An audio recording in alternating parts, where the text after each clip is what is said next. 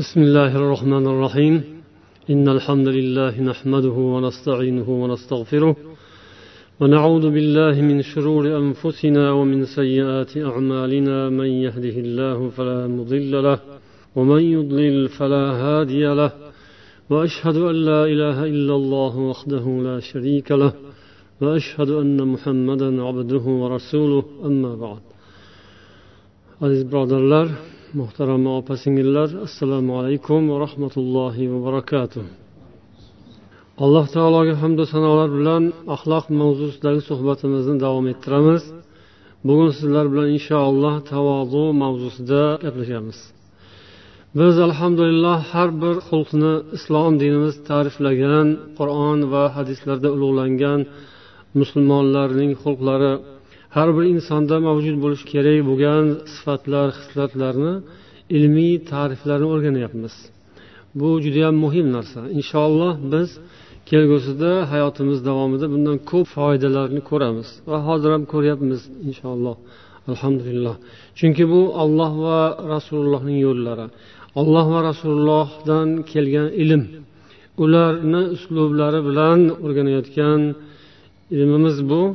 Va ular bizga buni qanday tushuntirishgan bo'lsa shunday tushunish ya'ni salaflar sahobiylar bunga qanday ta'rif berishgan buni qanday tushunishgan amal qilishgan bo'lsa biz shularga ergashyapmiz. Shuning uchun ham bu ishda işte baraka bor inshaalloh agar biz bunga jiddiy ahamiyat bersak bu allohning ne'matiga shukronani bajo qilib bundan inshaalloh ko'p foydalarni olamiz deb umid qilamiz. Biz bugun sizlar bilan tavozu haqida gaplashar ekanmiz. Uni o'zbekchada kamtarlik deb aytiladi. Bu narsani ko'pchiligida eshitgansizlar. Lekin bugun inshaalloh yangi so'zlarni eshitasizlar xudo xohlasa. Umid qilamanki bugungi suhbatimizdan sizlar mana shu tavozu mavzusidan ya'ni mani so'zimdan emas tavozu mavzusidan bunga ulamolarni bergan ta'riflardan inshaalloh sizlar ta'sirlanasizlar chunki man o'zim bu mavzu bilan tanishganimda avval ham tanishmizku sizlar ham tanishsizlar avvaldan biz ham tanishmiz. Lekin qaytadan tanishganimizda mana naim mavzuasi asosida o'rganganimizda inson albatta bundan ta'sirlanadi. Har safargi odatimiz kabi biz tavozuni o'zbekchada tavoze lug'atda tavoze deb yozgan arabchada at tavodu o'zbekchada asli sof o'zbekcha deyishga ham odam o'ylanib qoladi kamtarlik. Ham forscha so'z kamtarlik. O'zbek tilida tavozi kamtarlik deb foydalanamiz. Shuni lug'aviy ma'nosini ko'raylik. Avval ya'ni lug'atda tavozu kalimasi. Vov zot ayndan tashkil topgan. Buning moddasi. Allati tadullu alal khafdi va bu vadaa kalimasi. Buning ma'nosi bir narsani qo'yish pastga tushirish degan ma'noni bildiradi lug'aviy jihatdan. Yuqolu bil ardi bil ardi yerga qo'yish degani bir narsani yerga qo'yish bo'lsa vadaa bil ardi degan iborani ishlatar ekan.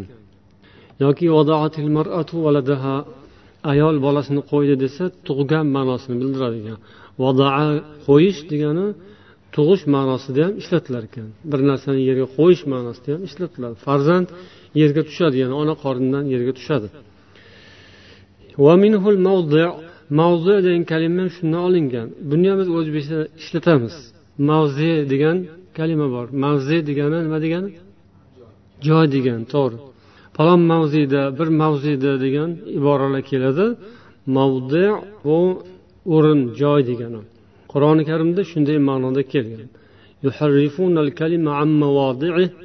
degan oyat bor so'zlarni o'rnidan o'zgartiradilar degan ya'ni mushriklar munofiqlar kofirlar haqida ollohni so'zini o'rnidan o'zgartiradilar shu yerda mavdi kalimasi keltirilgan وصيغة تفاعل من هذا الأصل تدل على الإظهار كما في تغافل بمعنى أظهر الغفلة وإن لم يكن غافلا endi tavozu kalimasiga keladi navbat bu tafaul vaznida arab tilidan ozmoz xabar bo'lgan mana sarf o'qiganlar yoki o'qiyotganlar yaxshi tushunasizlar tafaul vazni tavodu kalimasi tafaul vazniga tushadi hamma arab kalimalarining vazni bor o'lchovi bor ya'ni qolipi bor har xil qolipda ishlatiladi tafaala qolipi shu tavozaga tushadi. Tadahala takabara tavodaa degan kalimalar shu tafaala vazniga tushadi. Buning ma'nosi har bir qolipni o'zini bir xususiyati bor. Ya'ni bu qolipdagi so'zlarni umumiy ma'nosi bor. Mana bu qolipdagi so'zlarni umumiy ma'nosi bor. O'sha umumiy ma'nolardan umumiy xususiyatlardan biri shuki o'zida yo'q narsani ko'rsatish degan ma'nosi bor. Tafaala vazniga tushgan kalimalarda masalan tajahala desa o'zini go'llikka solish degani bo'ladi. Jahldan olingan. Jahl jaholat bilmaslik nodonlik ilmsizlik. Tajahala bo'lsa o'zini ilmsiz qilib ko'rsatdi degani bo'ladi. Tafaala vazni xususiyatlaridan biri. Endi shu tavodaa so'zi ham shu qolipga tushadi shu vaznga tushadi. Buni o'sha vaznni umumiy xususiyatlariga buni nima aloqasi bor? Ya'ni bir narsani ko'rsatish o'zida yo'q narsani ko'rsatish degan ma'nosi bor ekan. Tavozuni qanaqa shunga aloqasi bor degan savol tug'iladi. Masalan tag'ofala kalimasi ham keladi o'zini g'aflatga solish. Hech narsada ahamiyati yo'q unga parvoz yo'q qilib ko'rsatishni tag'ofala deydi. Lekin tavodaada bu qanday tushuniladi? Yana boshqa misollar ham bor ekan. Masalan tabaka hadislarda ham kelgan. O'zini yig'laganga solish. Buka yig'i. Baka yig'ladi. Tabaka yig'iga soldi. Yig'lamsirab gapirish bor o'zini yig'laganga solish bor. Endi tavodu liman yoki addiata ikki xil lug'at. Liman va zulla bu tavodaa degani o'zi vazundan olingan past yerga qo'yish degani o'zini past qilib ko'rsatish o'zida shu pastlikni ko'rsatish degan ma'noni bildiradi. Azzulla xorlik zul lillahi va rasulihi val mu'minin. Olloh uchun rasul uchun mo'minlar uchun o'zini past qilib ko'rsatish. Agarchi o'sha odam o'zicha aziz bo'lsa ham o'zida yo'q narsani ko'rsatish degan xususiyati bor ediku shu vaznni bog'liq joyi shu ekan ya'ni o'zini past qilib ko'rsatish o'zini nazarida past emas hech kim o'zini nazarida past emas hamma o'ziga aziz hamma o'ziga hurmatli o'zini o'zi juda qadrini biladi har kim. Shunaqa iboralar ham bor man o'zimni hurmatimni o'zim bilaman. O'zimni qadrimni o'zim bilaman deb qo'yadi. Ba'zi kek kelgan odamlar shu gapni ishlatadi. Ya'ni man o'zimni qadrimni tushirib qo'ymayman deydi. Lekin u boshqa qarab ketib qolayotganini bilmaydi. Demak ulamolar aytishyaptiki inson o'zida yo'q narsani ko'rsatish ekan buning lug'aviy jihati. Lekin bu o'rindagi bog'liqlik tomoni shunda. Agar u odam o'zicha aziz bo'lsa ham o'zi nafsida izzatli hurmatli bo'lsa ham o'zini olloh uchun payg'ambar uchun mo'minlar uchun past qilib ko'rsatish kerak. Endi islohiy ma'nosiga kelamiz. Ya'ni lug'aviy tomonlarni ko'rib mayda ipdan ignasigacha titkilab tekshirib qilni qirq yorib degandek ulamolarni shu qilgan ishlarini ko'rib tanishganimizdan keyin buni davomida istilohiy ma'nosi keladi. Izharu tanazzul anil martabati liman yuradu ta'zimuhu. Istilohda shuki inson o'zining martabasidan pastga tushganini izhor qilish ko'rsatish uning ta'zimi hurmati iroda qilingan zot uchun ya'ni kimnidir hurmati uning izzatu ikromi maqsad qilingan bo'lsa o'shanga nisbatan o'zini o'z martabasidan tushganini ko'rsatish. O'zini martabasi bor har xil martaba bo'lishi mumkin dunyoda.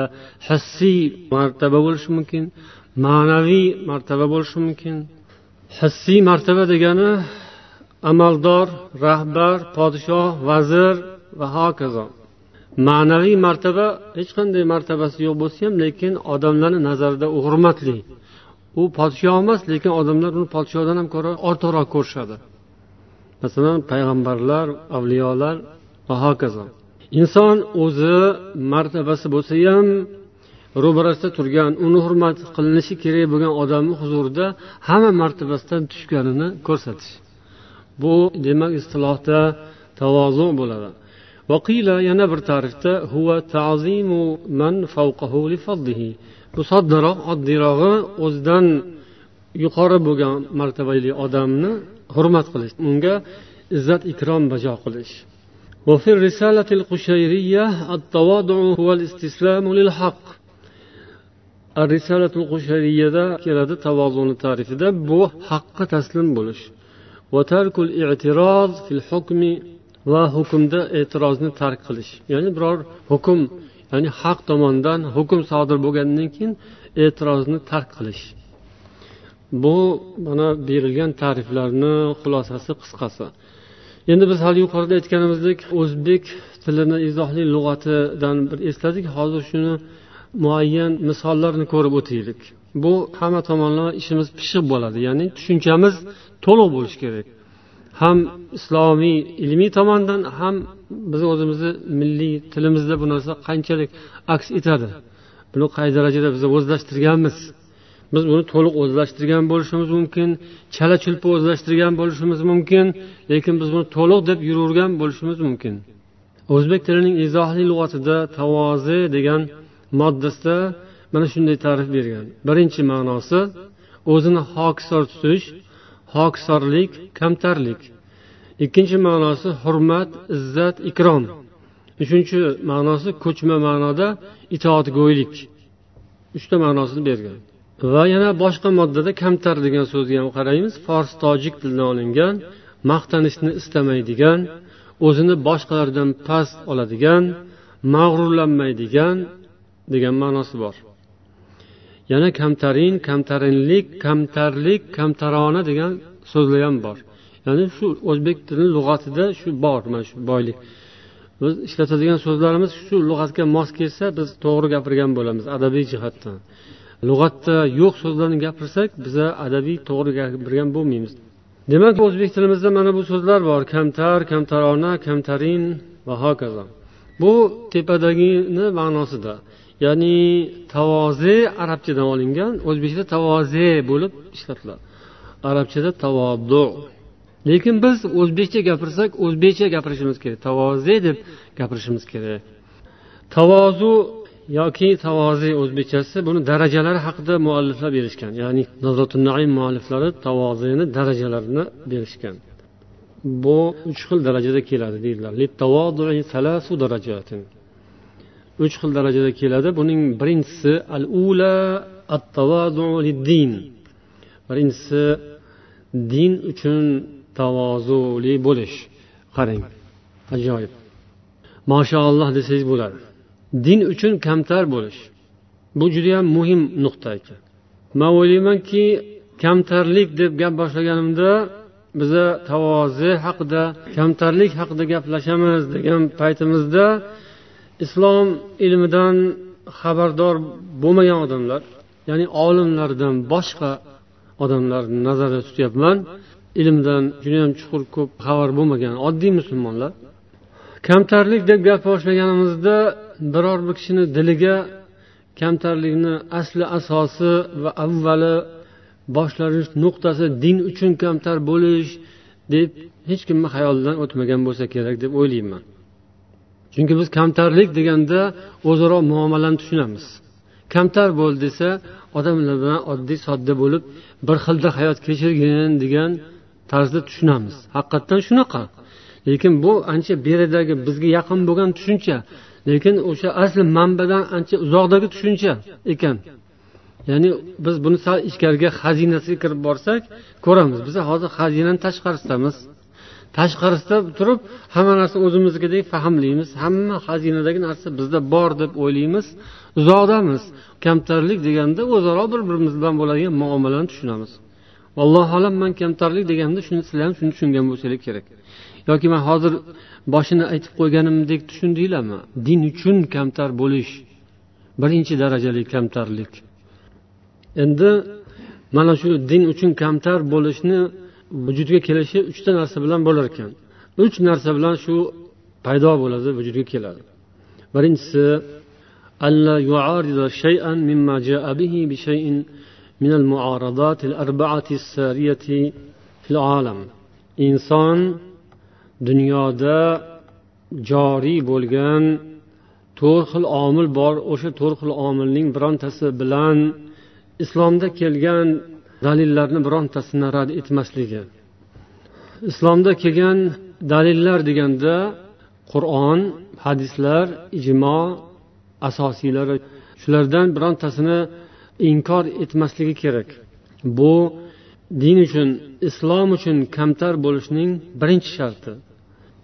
Ya'ni o'sha to'rtta narsa nima ekan desangiz bil ma'qul val qiyas va zavq va siyasa. Ma'qul qiyos zavq siyosat bilan qarshi chiqmaslik. Ma'qul degani aqlga tushadigan narsa aql bilan bilinadigan narsa. Ma'qul bor manqul bor. Ma'qul har bir insonda aql bor o'sha aqliga solib ko'radi. Aql tarozusiga tushgan narsani ma'qul deyiladi. O'zimizda ham ishlatamiz ha bu gaping ma'qul deb qo'yamiz. Asli ma'qul aqlga to'g'ri keladigan narsa o'zini aqliga mos narsa. O'sha aqlga mos narsa bilan naqlga mos narsani inkor qilish kerak emas. Manqul naql bo'lib kelayotgan narsa. Ajdoddan ajdodga avvalgilardan. Ollohdan jabroil alayhissalomga u kishidan payg'ambarga keyin bu yoqqa naql bo'lib kelgan narsa. O'sha naql bo'lib kelgan narsaga aql bilan bilganini teskari qo'yish kerak emas. Ikkinchisi qiyos taqqoslash o'zi hukmlari noma'lum bo'lgan narsani hukmi ma'lum bo'lgan narsaga qiyoslab turib hukmni chiqarib olish. Bir narsani bir narsaga o'xshatib turib taqqoslab turib keyin xulosa chiqarib olish. Aslida o'shanga to'g'ri ochiqdan ochiq hukm yo'q. Qiyos ishlaydi bu yerda. Zavq o'zi odamni zavqi deydi odamni tabiati insonni o'zini tushunchasi bo'ladi. Har bir odamniki bu aqldan alohida narsa. Ya'ni mani tabiatim mani xarakterim mani tushuncham. O'shanga mos kelmaydi ba'zi narsa. Aql umumiyroq zavq xosroq. Siyosat. Siyosatni hamma tushunasizlar. Hamma tushunadi buni. Mana shu to'rtta narsa bilan inson inkor qilishi rad etishi mumkin. Ya'ni o'sha dindagi narsalarni. Mana shundan ehtiyot bo'lish kerak. Din uchun kamtar bo'lish degani mana shuni taqozo qiladi. Endi qarasangiz dinga islomga qarshi gapiradigan odamlarda mana shu narsalar ko'zga tashlanadi. Ular bemalol qoralaydigan odamlarda demak hozir mana shuni bilganimizdan keyin o'sha to'g'ri baho berish bizga nasib bo'ladi. Ya'ni tushunamiz inson hayotda bo'layotgan voqealarni anglashimizga bu yordam beradi. Ya'ni o'sha odamlarda nima bor deb aytishimiz mumkin va nima yo'q deb aytishimiz mumkin? Islomda kelgan dalillarni rad etayotgan odamlar aqliga suyanib rad etadi. Qiyoslab o'zicha taqqoslab rad etadi unga bunga solishtiradi va o'zining zavqiga yoqmagani uchun tabiatiga yoqmagani uchun rad etadi yoki siyosatiga to'g'ri kelmagani uchun rad etadi inkor qiladi. Bu nimaga zid ekan? Shu bir so'z bilan aytsak islomiy kamtarlikka yoki tavozuga zid. Tavozuni ziddi nima bu? Kibr. Nuqta shu. Qisqa javobi shu kibr. O'sha ishni qilayotgan odamlar shunday mavqifda turgan odamlar islomni dalillarini rad etadigan odamlarda demak kibr bo'ladi. Ikkinchisi din din dalillarini birontasini ayb sanamaslik ayblamaslik inkor etish boshqa narsa ayblash bu yerda. Bu narsani yaroqli emas bu. Bilamiz ollohdan kelgani lekin hozircha yaroqli emas. Bu narsa to'g'ri kelmaydi zamonga mos kelmaydi tushmaydi buni qabul qilib bo'lmaydi. Bu dalil fosid fasod bo'lgan yaroqsiz holga kelgan hozir degan gumonga borish yoki nuqsonli bu deyish bundan boshqasi avloroq deyish kimgaki mana shunday narsa kelsa diliga o'zining fahmini ayblasin ya'ni tushunchasinidan qidirsin buni sababini. U dalildan dindan qidirmasin. O'zini fahmidan qidirsin. bilsinki ofat balo unda. U yoqda emas tashqarida emas ichkarida o'zida. O'zining fahmi farosatida o'zining aqlida zehnida nuqson bor ofat o'sha yerda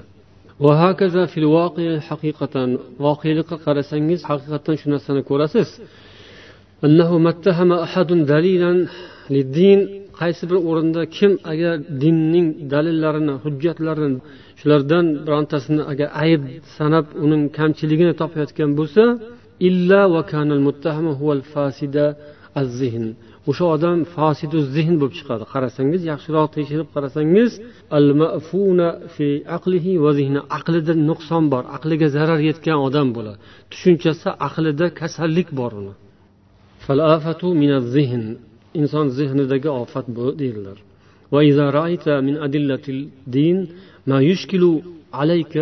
Agar o'zingga din dalillaridan hujjatlardan ya'ni dinda asos bo'lgan o'sha dinning dalillari nima desa oyat hadis ijmo qiyos asosiysi to'rtta o'shandan birontasi senda agar shubha tug'dirayotgan bo'lsa senga qiyin bo'layotgan bo'lsa tushunishing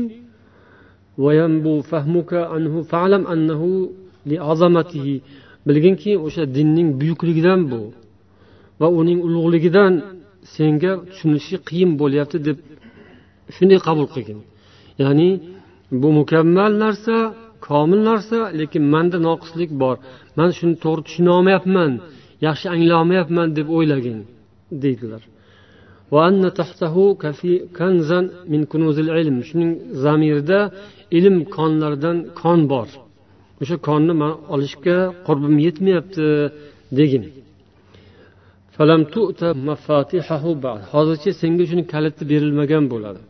Agar sen shunday mavqifda tursang shunday tushunchada bo'lsang adashib ketmayotgan bo'lasan. Va sen tushunasan xudo xohlasa degan ma'no chiqadi. O'zingga nisbatan shu. Agar o'zingdan boshqada shu narsani ko'rayotgan bo'lsang uni ham gapida jon bordir deyishga shoshilmagin. Bunaqaligi yuragi kenglar borda o'zini yuragi keng qilib ko'rsatmoqchi bo'ladida xato gapirayotgan bo'lsa ham teskari telba gapirayotgan bo'lsa ham shoshmanglar uni ham gapiga quloq solaylik uni ham gapida jon bordir.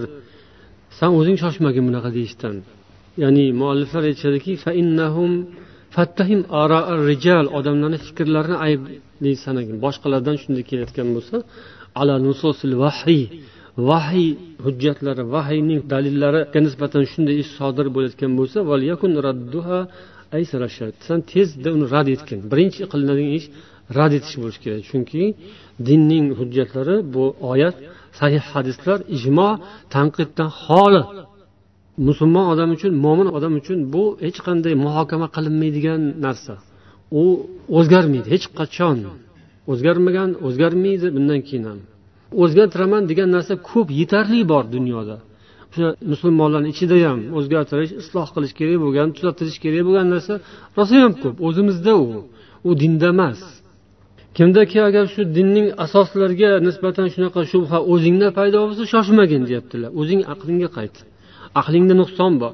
Agar birov shuni zohir qilib og'zidan chiqarayotgan bo'lsa uni tezda rad etish kerak. Birinchi javob shu rad. Qabul qilinmaydi hech qachon.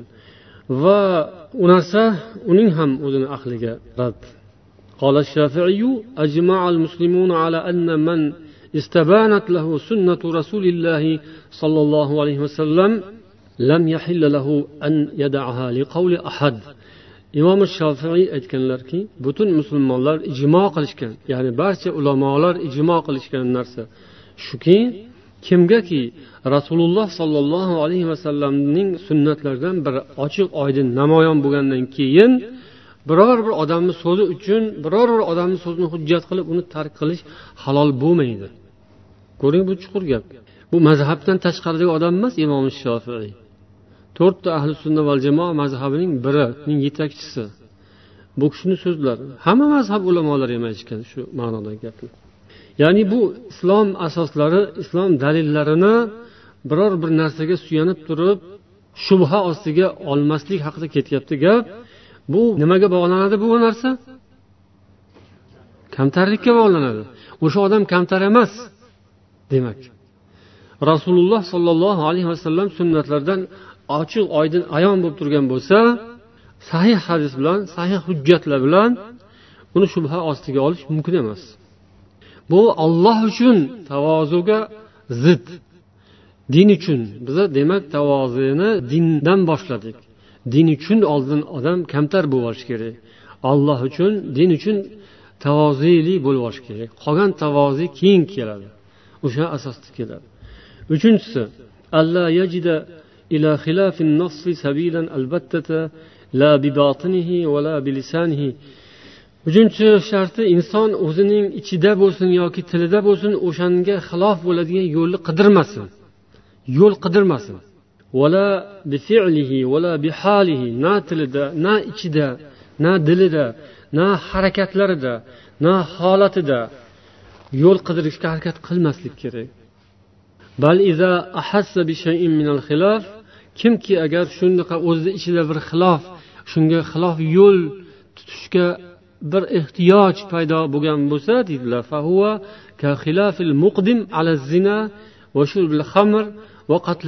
Bu odam xuddi zino qilishga intilayotgandek billah zinoga aroq ichishga odam o'ldirishga hezlanayotgan yo'l qidirayotgan odamga o'xshab ketadi.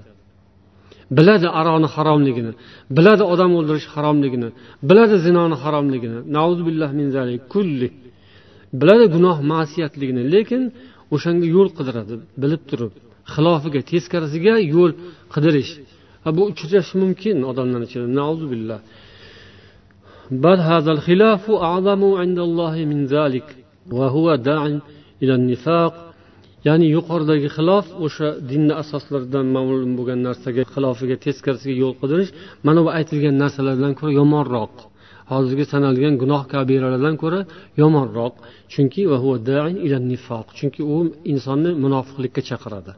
Munofiq bo'lib qoladi u odam borib borib shunaqa qilib. Musulmon bo'lib turaveradi odamlarni ko'zida. Lekin ichida yoqmaydi o'sha ahkomlar yo'l qidirishga boshlaydi demak islom ahkomlari oyat hadislar turganda ularni tan olganimiz holda ularga amal qilmaslikka yo'l qidirish yomon narsa ekan. Yoki o'sha narsani boshqacha qilib talqin qilish alloh asrasin. Bu narsa insonning yomon holatga olib boradi dindan chiqishga sabab bo'lishi mumkin bu biz birinchi darajasi haqida gapirdik. Endi ikkinchi darajasi bu insonlarni o'zaro munosabatlarida aks etishi desak ham bo'ladi. Jumladan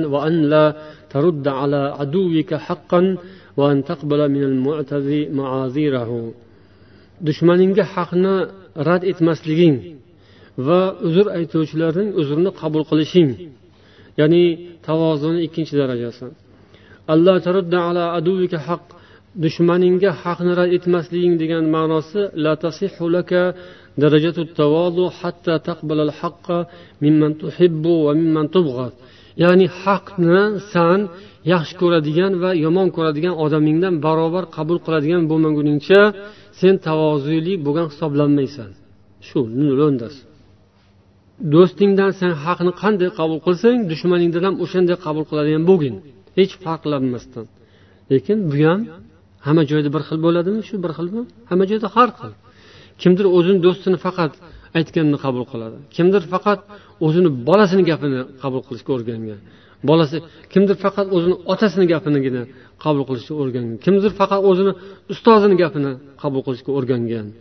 Ayni bir xil gap bir xil haqiqat lekin o'zi bittasini yaxshi ko'rib qolgan.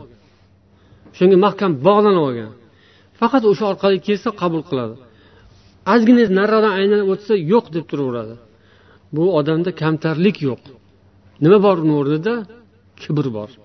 Kibr o'shani bitta odamga o'ziga bog'lab qo'yadi bo'ldi undan boshqasini ko'rmaydi qabul qilmaydi demak tavozuni ikkinchi darajasi bu do'stingdan ham dushmaningdan ham yotdan ham begonadan ham san yomon ko'rgan odamdan ham yaxshi ko'rgan odamdan ham bir xilda qabul qilaverishing kerak الدرجة الثالثة أن تبتدع للحق فتنزل عن رأيك وعوائدك في الخدمة uchinchi darajasi sen haqqa ergashishingda o'zingni ra'yingdan fikringdan voz kecha oladigan bo'lishing odatlaringdan va o'zingga ya'ni o'rganilib qolgan narsalardan bemalol o'zingni ozod erkin his qila olishingda.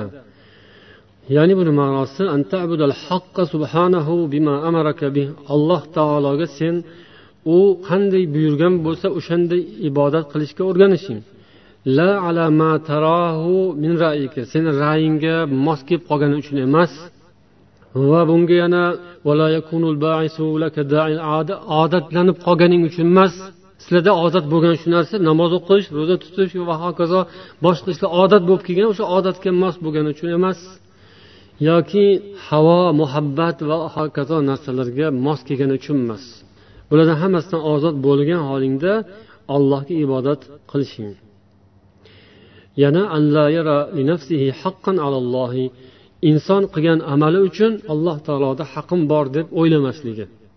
Navbatdagi mavzu ya'ni mualliflarning bu tartiblarida hokisorlik va xorlik o'rtasidagi farqni keltirishgan. Ya'ni hokisorlik bilan xorlik o'rtasida qanday farq bor?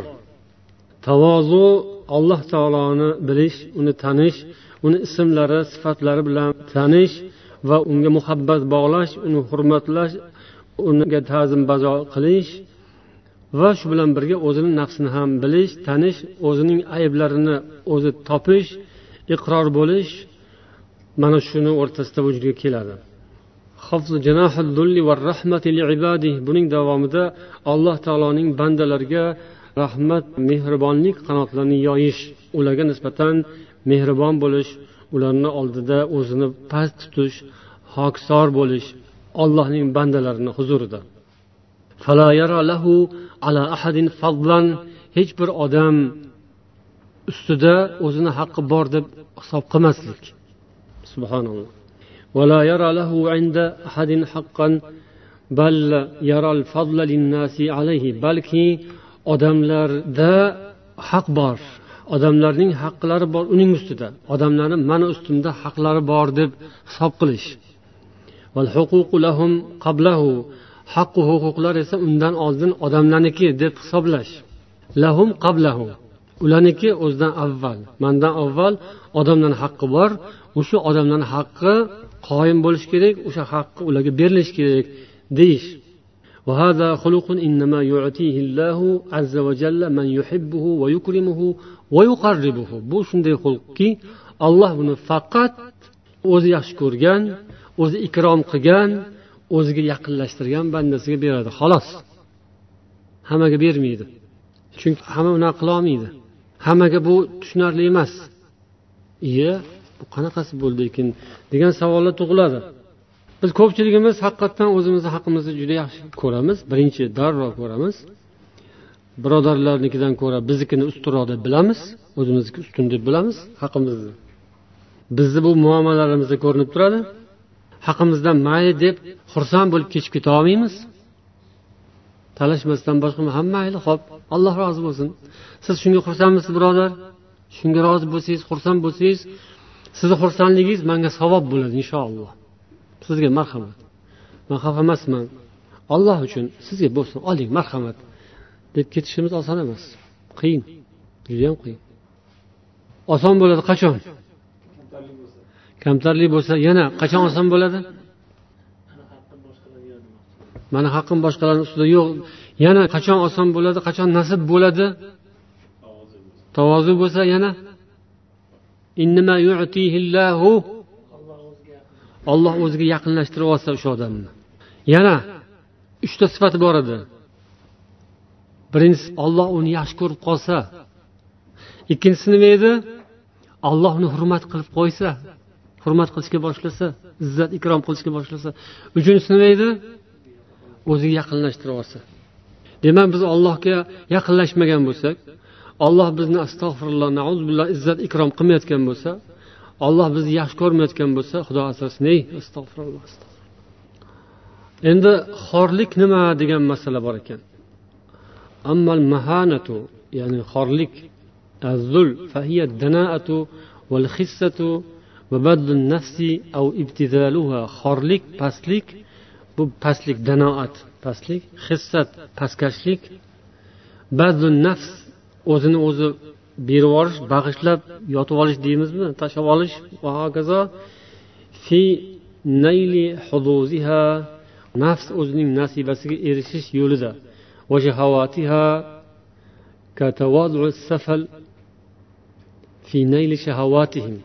pastkash odamda o'zini nafsi shahvatlari ko'ngli tusagan narsalarga erishishda o'zini unutib butunlay tashlab yuboradiku o'zini esdan chiqarib qo'yadiku. O'shanga o'xshab nafs xursand bo'ladigan nafs orzu qilayotgan nafs istayotgan narsaga erishish yo'lida o'zini yerga urish. Bu xorlik pastlik bo'ladi. Nauzubillah.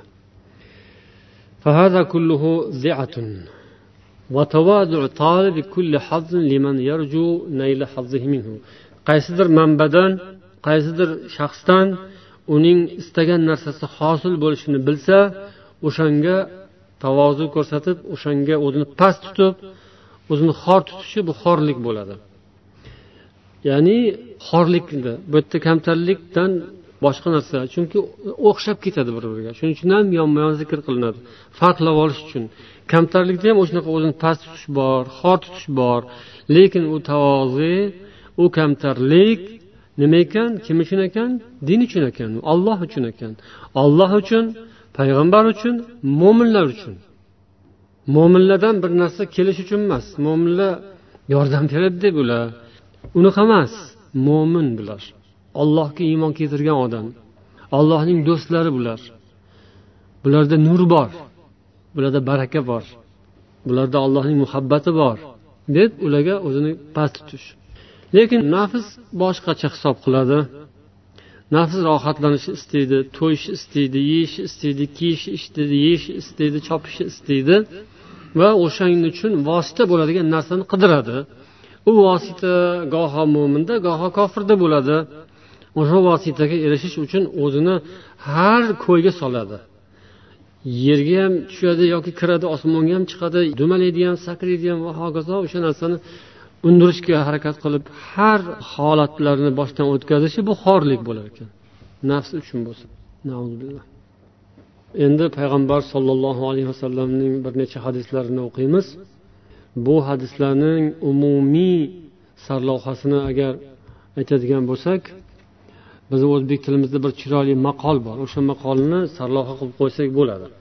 Qani shu kamtarlik haqida bir maqol aytinglarchi. Kamtarga kamol manmanga zavol. Buni o'zimiz ham eslab bolalarimizga ham yaxshilab o'rgatib qo'yishimiz kerak farzandlarimizga. Kamtarga kamol manmanga zavol. Tushunarliga nima degan? Lekin bolalar tushunmasligi mumkin. Kamol kamolot yetuklik. Kamtar odam yetuklikka nasib bo'ladi muyassar bo'ladi. Manman odamga zavol zavol degani zoil bo'lish yo'q bo'lish barbod bo'lish mahrum bo'lish undan hamma narsa ketadi. Hadislardan shu ma'no chiqadi. Shuning uchun shu hadislar majmuasiga mana shu maqolani sarlavha qilib qo'yilsa demak shu hadislarni ma'nosi bo'ladi. عن ابي هريره رضي الله عنه عن رسول الله صلى الله عليه وسلم قال ما نقصت صدقه من مال payg'ambar alayhissalom aytdilarki hech qachon mol sadaqa bilan nuqsonli bo'lmaydi kamaymaydi alloh hech qachon bandasini kechirim bilan kam qilmaydi illo aziz qiladi alloh doimo bandasi kechirimli bo'lsa o'sha bandani aziz qilib qo'yadi omin qachonki bandasi olloh uchun tavozeli bo'lsa uni albatta olloh ko'taradi darajasini yuqori qiladi omin عن ركب المصري رضي الله عنه bu kishidan rivoyat aytadilar payg'ambar dedilar o'zini xorlab qo'ymaydigan darajada tavozuli bo'lgan odamga tuvbo bo'lsin jannatdagi daraxt yoki jannat bo'lsin. Birovdan narsa so'ramaydigan holatda o'zini xor tutgan odam bo'lsa. Gunohmas pokiza yo'llar bilan topgan molini infoq qilgan bo'lsa. Xor bo'lgan ya'ni qiynalib qolgan miskin odamlarga rahm shafqat ko'rsatgan bo'lsa ahli fiqhu hikmat egalari bilan birga bordi keldi qilib aralashgan bo'lsa ahli ilmlar bilan. Va hokazo bir qancha sifatlarni aytib rasululloh maqtadilar. Shunda demak mana shu tavozuli odamga jannat tiladilar. Yana bir hadisda biror bir odam yo'qki uning boshida jilov bo'lmasa o'sha jilov yoki nuqta deymiz. Bu bir farishtaning qo'lida bo'ladi. Har bir odamni boshida bir nuqtasi bo'ladi. Nuqtani bilasizlarmi? Jilov. Ustiga miniladigan hayvonni og'ziga tumshug'iga ba'zisini burniga o'tkazib qo'yiladi. Shunday bir yasalgan jihoz bir arqondan yasalgan no'xta o'shani bunday tortadi qo'yib yuboradi. Tezlashtirish sekinlashtirish to'xtatish yuritish o'shani qo'lda bo'ladi. Endi shuni jilov no'xta deyiladi. Har bir odamning jilovi bor. Ya'ni ko'zi ko'rinmaydi u. U jilov farishtaning qo'lida deydilar.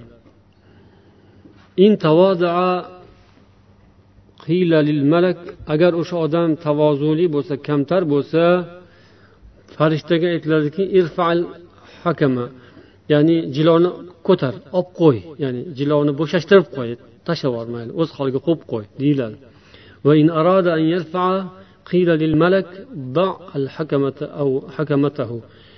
Agar o'zini sal ko'tarmoqchi bo'lsa o'sha banda jilovni tort deyiladi. Jilovni tortib qo'y deyiladi. Tanobini tort deyiladiku. tanobini tortish bor haddan oshgan odamga har bir odamda bu narsa bo'lib turadi o'zi sezadi yo sezmaydi hazrati umar roziyallohu anhu aytgan ekanlar يقول الله تعالى وتبارك الله تعالى aytadiki man ali hakaza deb qo'llarini bunday qildilar hazrat umar kimki menga mana bunday qilsa mana bunday bo'lib tavozu qilsa deb qo'llarini mana bu ya'ni kaftlarini qornini yerga qilib yerga yaqinlashtirib bordilar. Yerga yaqinlashtirib bordi kimki olloh aytadi deydilar. Man uchun mana bunday bo'lsa deb pastlatib bordilar qo'llarini. Man ali hakaza mana shunday tavozuli bo'lsa rafatuhu hakaza dedilar. Mana uni bunday qilib ko'taraman degan dedilar. وجعل باطن كفيه إلى السماء ورفعهما نحو السماء ikkita kaflarini dedilar ekan ikkita kaflarini yerga bunday qilib kimki o'zini past olsa hokisor bo'lsa yerga man uni mana bunday qilaman ko'taraman osmon barobari dedilar رواه أحمد والبزار والبيحقي والحيسمي والمنذري endi kamtarlik shunday yaxshi narsa ekan zarur narsa ekan kerak narsa ekan buni birodarlar o'rganishimiz kerak va o'rgatishimiz kerak. Kamtarlikni o'rgatishimiz o'rganishimiz avvalo o'rganishimiz keyin o'rgatishimiz kerak. Chunki o'zimizga kerak muhtojmiz allohning rahmatiga keyin bolalarimizni jondan ortiq yaxshi ko'ramiz. Ular ham allohni rahmatidan uzoq qolishmasin va ularga ham allohning ikki dunyo yaxshiliklari nasib bo'lsin. buning vositasi yo'li mana shu zarur yo'llardan biri quyidagi hadislar mana shunga bag'ishlanadi kamtarlikni o'rganish va o'rgatish uslublari ko'rinadi bu hadislarda an ibn himar bu kishidan rivoyat rasululloh sollallohu alayhi vasallam bir kun xutbalarida gapirdilar وإن الله أوحى إلي أن تواضعوا حتى لا يفخر أحد على أحد ولا يبغي أحد على أحد aytdilarki xutbalarida alloh taolo menga vahiy qildi buyurdiki tavozuli bo'linglar hammangiz kamtar bo'lingiz. Toki biror odam hech bir odamdan o'zini ustun deb bilmasin faxrlanmasin o'zini boshqadan hech kim ustun qo'ymasin va hech kim birovga zulm qilmasin dedilar. Ravohi muslim. Mana shu ustun qo'yishdan zulm kelib chiqadi. O'zining haqqini ustun qo'yadi. U zulmni faqat podsholar prezidentlar bilib qolganimiz mentlar o'shalar qiladi emas. Zulmni hamma qiladi. Zulm har bir tirik jon borki har bir qalb egasi borki har bir nafs egasi borki o'shanda zulm bo'ladi. Hech bo'lmasa o'ziga zulm qilib turadi. Agar oldida odam bo'lmasa atrofida odam bo'lmasa. Zulm qilmaydigan odam yo'q. Shu zulm qayerdan kelib chiqadi? Mana shu kibrdan tavozini yo'qligidan kelib chiqadi. Alloh hammamizga tavfiq bersin. Qalbimizni tavozeli qilib qo'ysin kamtar qilib qo'ysin. Shunda inshaalloh zulmdan tiyilamiz. Faxrlanmaymiz o'zimizni katta olmaymiz. Ko'p katta odamlar maqtanishadi. Qarang hali maqsadga yetmasdan turib ozgina ish qilib qo'yib maqtanadiganlar bor. Hali oldida qancha ishda turgan bo'lsa hali ishni qilmasdan turib ba'zilar maqtanadi kekkayadi keriladi faxrlanadi o'zini ustun qo'yadi boshqadan. Lekin ular maqsadga yetmaydi. Erta kunda yetmaydi. Ular boshdanoq hammasini dabdala qiladi ular. Aqlli bo'lsa kamtar bo'ladi ahmoq bo'lsa mutakabbir bo'ladi maqtanadi hamma o'zini o'zi oyog'iga bolta uradi yo'llarini o'zi to'sib tashlaydi. O'zini ishini o'zi qo'l bilan qurib turib o'zi qo'l bilan buzadi. Shu nimadan? Maqtanchoqligidan kibrdan. Mana bu hadisni qarang. عن عائشة رضي الله عنها قالت قال رسول الله صلى الله عليه وسلم پیغمبر علیه السلام عایشه onamizga aytdilar ya Aisha لو شئت لسارت معي جبال من الذهب agar man xohlaganimda dedilar tog'lar tillaga aylangan bo'lardi farishta kelib menga shu narsani taklif qildi yana farishta kelib mendan so'radiki malikan farishta kelib alloh taolo sizga salom aytadi. Agar xohlasangiz payg'ambar qul bo'lasiz. Olloh sizga shuni taklif qilyapti. Xohlasangiz qul payg'ambar bo'ling. Xohlasangiz podshoh payg'ambar bo'ling. Ikkitasidan bittasini tanlang deb olloh vahiy qildi. Shunda fanazartu ila jibril alayhissalom jibril alayhissalomga qaradim deydilar ya'ni javob berishdan oldin tanlashdan oldin jabroil alayhissalomga nazar soldim deydilar. Ya'ni nima qilsam nima desam degan ma'no ya'ni maslahat. Manga u kishi shunday ishora qildilarki o'zingizni past oling. Falon narsani tanlang demadilar. Do nafsak nafsingizni past qiling o'zingizni past qiling. Past oling. Faqultu nabiyyan abdan qul payg'ambar bo'laman dedilar. Subhanalloh. Bunda judayam ko'p ma'no bor birodarlar. Ikki dunyo ikki olamga tatiydigan ma'no bor. Har ikkisi ham halol. Olloh ixtiyor tanlang deyapti podshoh bo'lish harom emas dunyoni so'ragan sulaymon alayhissalom olloh bergan podshoh payg'ambar bo'lganlar. Xohlasangiz shunday bo'ling. Xohlasangiz qul payg'ambar bo'ling deganda qul payg'ambar bo'ling dedilar. Lekin shuni shunday maslahat so'radilar bir. Nima qilsam deb. Endi har ikkisi ham halol o'zlari falon falon deyib yuborishdan ham tiyildilar. O'zlari aql bilan gapiraversalar bo'lardi. Ya'ni siz bilan bizni ko'pchiligimizning sifatimizda bu. Aqlimiz bilan o'zimiz ishlarni hal qilib tashlayveramizku. Maslahat ham so'ramaymiz maslahatni qabul ham qilmaymiz. O'zim aqlliman man o'zim bilamanman. Man kichkina emasman o'zim. Hamma narsaga aqlim yetadi lekin rasululloh sollallohu alayhi vasallam qarab turdilar ishoraga ular ishora qildilar subhanalloh bu demak tavozeni o'rganish keyin o'rgatish keladi o'rganishdan keyin o'rgansak keyin o'rgata olamiz alloh taolo hammamizga tavfiq hidoyat berishini so'rab qolamiz سبحانك اللهم وبحمدك أشهد أن لا إله إلا أنت أستغفرك وأتوب إليك والسلام عليكم ورحمة الله وبركاته